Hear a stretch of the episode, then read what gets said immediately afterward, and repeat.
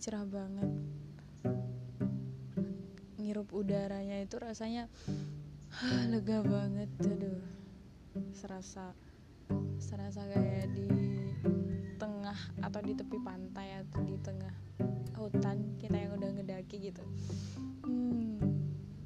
dan kebetulan untuk beberapa hari ke depan itu kami juga karantin. Dan yang paling enaknya setelah beberapa hari kami karantin minggu lalu kami kerja lima hari kerja. Habis itu karantin lagi dan ini nggak tahu lima hari atau empat hari atau dua hari nanti baru kerja lagi atau mungkin karantin lagi. Nah ini nih kegiatan yang sering buat uh, gimana mikir kan ketika ketika supervisor udah bilang kalau kita itu akan karantin dan otak otaknya aku itu mikir nanti di rumah uh, mau buat apa kegiatannya apa? Nah habis itu aku mikir-mikir mikir-mikir sampai rumah ternyata banyak kain menumpuk. Tugas-tugas yang belum selesai. Lah aku ngapain mikir membuat apa? Ya udah nyelesain itu aja ya kan? Gimana sih uh, tapi ya setelah beberapa hari ini aku ngerasa kayak me time banget. Me time yaitu kita nikmatin uh, waktu sendiri. Nikmatin waktu sendiri denger musik sendiri ngelakuin hal-hal yang kita suka sendiri. Karena selama minggu minggu lalu juga selama karantin itu serasa capek lelah. Abis itu tiba-tiba disuruh swab test. Habis swab test besoknya disuruh langsung kerja. Nah kerja lima hari itu sumpah itu kayak rasanya ngangkat beban paling banyak. Nggak tahu ya hari pertama kerja itu supervisor langsung suruh sapot ke tempat yang lain bukan di tempat kita sendiri. Dan nggak tahu alasannya kenapa.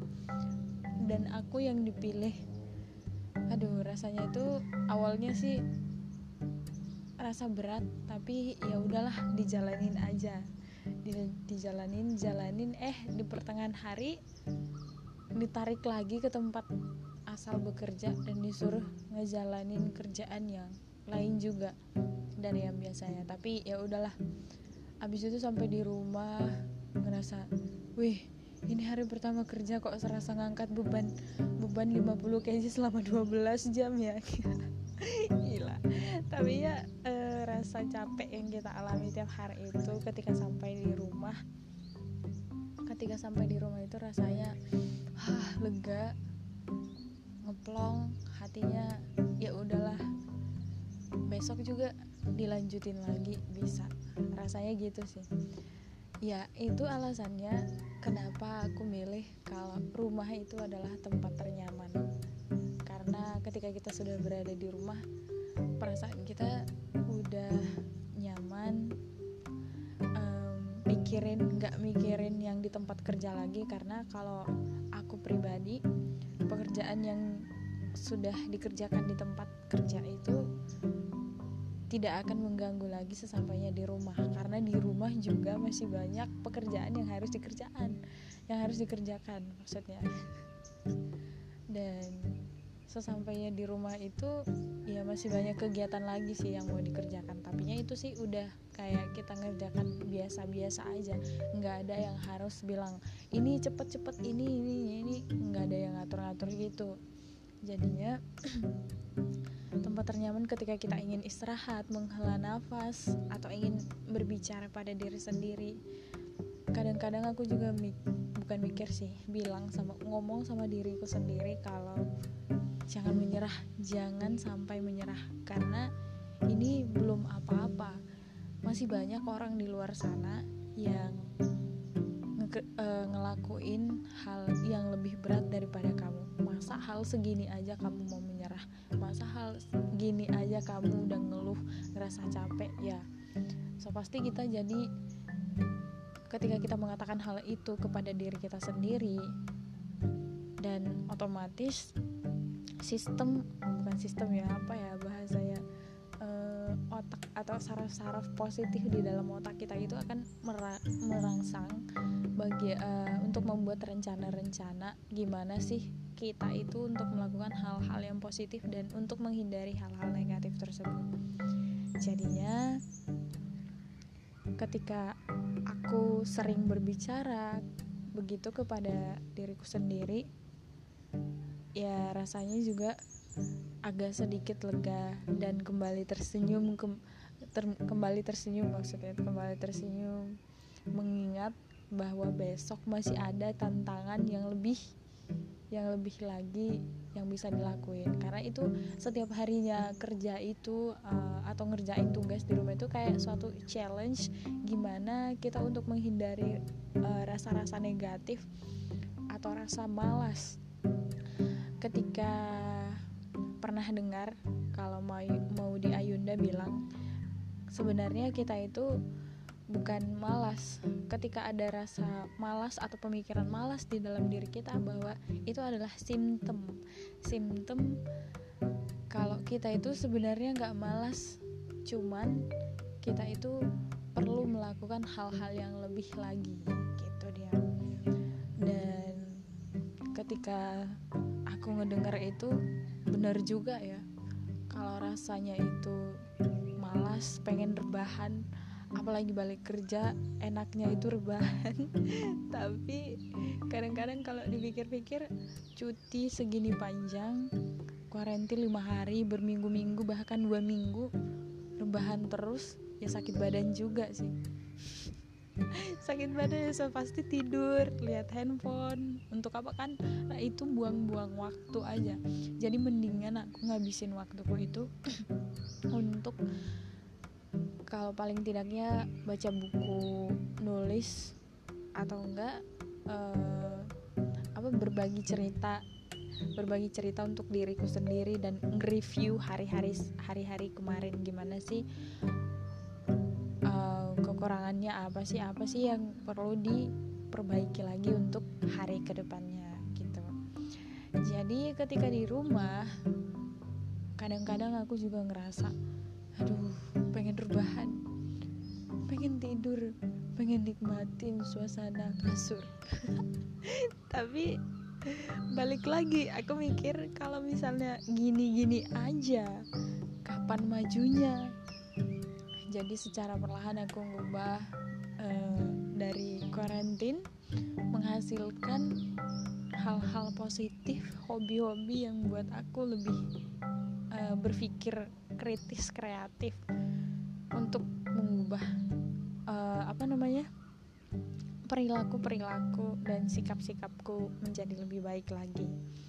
Jadi ada tiga tiga hal yang aku lakuin selama karantin dan bisa ngebuat aku ngerasa nyaman dan ngilangin atau relief stress di tempat kerja maupun di luar.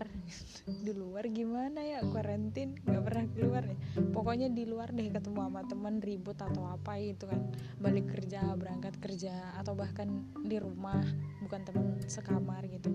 Kadang kita ngerasa juga ih gimana sih missing atau aduh bisa nggak sih diam? Karena kita ketika kita mendengar suara kebisingan atau ada yang sama nggak sih? Kalau aku pribadi dengar suara dengar suara bising ribut ngakak-ngakak lah yang berlebihan gitu itu ngerasa kayak ngerusak konsentrasi dan mood moodnya aku gitu. Karena nggak jadi nggak diajak ketawa enggak ya?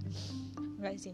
Bukan nggak diajak ketawa juga cuman ya itulah perasaan yang timbul ketika mendengar sesuatu yang ribut tiba-tiba ngakak yang berlebihan. Ya itu. Jadinya aku milih untuk uh, pasangin earphone dan denger lagu kesukaan mungkin atau bahkan nyanyi-nyanyi. Jadi hobi yang pertama itu yang sering aku lakuin itu adalah denger musik dan bernyanyi. Hobi yang bisa uh, relief stress uh, feeling comfortable dan juga nambah vocabulary atau pronunciation kita. Nah, di sini uh, selain aku dengerin musik dan juga nyanyi-nyanyi aku juga belajar gimana how to be better speaking English or pronunciationnya jadinya aku hobi nyanyi lagu bahasa Inggris nyanyi walaupun suaranya cempreng eh, nggak karu-karuan jadinya it's it's normal I think. Jadinya ketika kita nyanyi gitu kita bisa mengekspresikan diri kita sesuai lirik. Kadang-kadang temanku itu bilang kalau gitu uh, sering senyum-senyum sendiri karena denger liriknya gimana. Dan mereka bilang kalau aku itu ih kamu gila ya senyum-senyum sendiri. Ya aku sih jawabnya ya terserah deh mau nganggap aku apa yang penting aku nyaman aman dan sentosa gitu aja sih. Dan yang kedua itu adalah apa ya yang kedua itu um, buat puisi. Buat puisi atau enggak karangan. Jadi kadang-kadang apalagi di tempat kerjanya. Kalau di tempat kerja kadang ngebosenin duduk aja ya kan lihat PC dan kerjain kerjain yang di PC jadinya kadang aku buka notepad tulis-tulis eh tulis lagi typing type uh, puisi apa yang aku rasain saat itu perasaannya gimana. Kadang-kadang kadang-kadang dia uh, aku lupa tutup notepadnya atau save entah di mana lah yang engineer aku itu nggak tahu. Dan suatu ketika aku nggak sadar kalau itu adalah sebuah perasaan yang sangat mendalam. Tertinggal tertinggal di notepad dan keesokan harinya itu aku kerja malam. Habis itu engineer-nya kan selalu kerja pagi normal. Keesokan harinya engineer ini lihat waduh malu banget dia eh, nggak uh, bagi tahu sih di di keesokan harinya. Dia ngomongnya itu cuma ketika kami ketemu di minggu selanjutnya kerja pagi dan dia bilang um, Nova kamu tahu nggak siapa yang tulis di notepad itu? Hmm, otakku langsung oh iya ya kemarin aku lupa. Uh, terus aku nanya kenapa? Kenapa mbak enggak aku cuma lihat aja. Masa dia bisa curah uh, apa namanya curahin curah uh, buat atau type perasaannya sendiri di di notepad gitu habis itu dia nggak tutup atau delete atau gimana? Terus dalam hati aku malunya masa dia tahu? Gini gini gini gini aduh tapi ya dia untungnya dia bilang um, ya udah kalau biasanya biasanya kayak gitu jangan dibuat lagi. Mungkin teman kamu kok teman kamu yang buat itu dalam hatiku. Iya juga sih mungkin kadang-kadang. Dan mereka juga teman-temanku juga kadang gitu. Tapi nya itu emang punyaku dan dia bilang awas ya kalau kamu kalau sekali lagi kamu buat atau curhat di notepad gitu nggak ditutup atau nggak di delete hmm, awas. Dalam hati aku ih dapat ancaman pula. Ya udahlah dari hari itu aku ngebiasain tulisnya di di kertas. Kadang-kadang uh, tiap hari bahkan tiap uh, pergantian time break itu aku selalu ngambil kertas ngambil kertas ngambil kertas. Bukan untuk tulis report tapi untuk tulis visi atau curahan hatiku. Aduh gimana ya? Karena di tempat kerja juga kami kan sibuk masing-masing. Jadi untuk bercerita itu adalah hal yang hal yang tidak mudah didapatkan.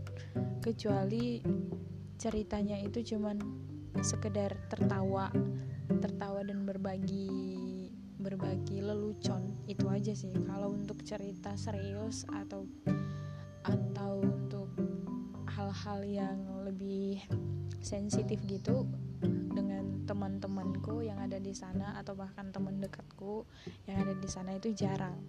Jadinya aku lebih menghabiskan waktu sendiri. Ya dan hal itu juga yang aku terapkan ketika karantin tulis atau bahkan record atau type di PC sendiri dan save. Dan itu aja sih. Dan ketika itu aku juga bisa uh, apa namanya menyalurkan menyalurkan isi pikiran dan hati di dalam tulisan tersebut sehingga ke depannya ketika aku perlu uh, ide-ide ataupun ha, suatu tugas yang membuat karangan itu jadinya aku bisa lihat uh, nge-review balik apa-apa aja sih yang pernah aku ngalamin. Nah gitu dia. Jadi yang ketiga itu adalah olahraga sebenarnya olahraga termasuk hobi apa enggak sih? Tapi menurut itu adalah satu kegiatan yang bisa uh, bermanfaat banget untuk diri kita. Karena akhir selama karantina ini aku coba untuk nge-refresh kembali badan yang udah capek. Selama kerja jadinya tiap pagi uh, abis bangun pagi aku selalu coba untuk olahraga. Olahraga ngebooster mood karena karena susah banget tahu ngambil ngam, ngumpulin mood kita untuk untuk ngejala, ngejalanin setiap harinya. Jadi inisiatif yang pertama yang aku dapat itu adalah olahraga. Jadi aku olahraga tiap bangun pagi dan alhasil memang selama aku jalani satu minggu itu moodku setiap hari itu lebih membaik daripada sebelumnya. Karena ketika kita menarik nafas di dalam olahraga sedalam-dalamnya terus mengeluarkannya itu rasanya kayak kita ngangkat beban habis itu dikeluarin gitu aja. Nggak ada yang ada yang nempel lagi. Ya nggak juga sih. Masih ada sedikit-sedikit tapi nya itu juga udah ngerelief banget. Dan abis itu rutin rutin olahraga itu juga bisa um, ngebangkitin apa uh, nambah kesehatan tubuh ya otomatis. Seperti yang kita ketahui. Dan yang paling memang aku butuhin itu adalah mood booster. Selain kadang-kadang aku baca eh bukan baca denger lagu atau denger musik mood booster terus tulis gimana aku harus semangat hari ini harus ini harus ini nggak boleh nggak boleh malas nggak boleh ini. Waduh itu yang paling buat aku ngerasa kayak ih gimana sih aku? Tapi mungkin ya itu ya kan uh, setiap orang berbeda-beda dan punya cara masing-masing. Ya itu yang tiga yang pertama itu dengerin musik yang kedua itu kedua itu apa tadi ngarang ngarang atau type atau tulis curahan hati atau isi hati ya kita sendiri. Dan yang ketiga itu adalah olahraga yang paling penting. Dan jangan lupa untuk berdoa. Karena ketika kita udah berdoa udah ngelakuin itu semua tanpa berdoa juga itu rasanya sia-sia juga sih.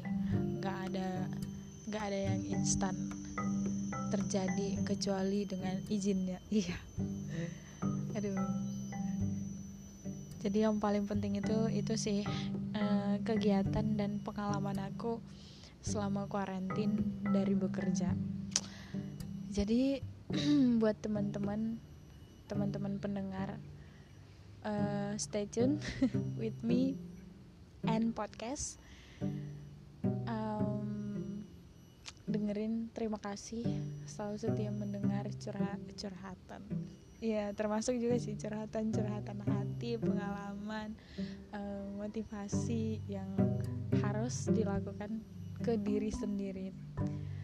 Terima kasih see you bye bye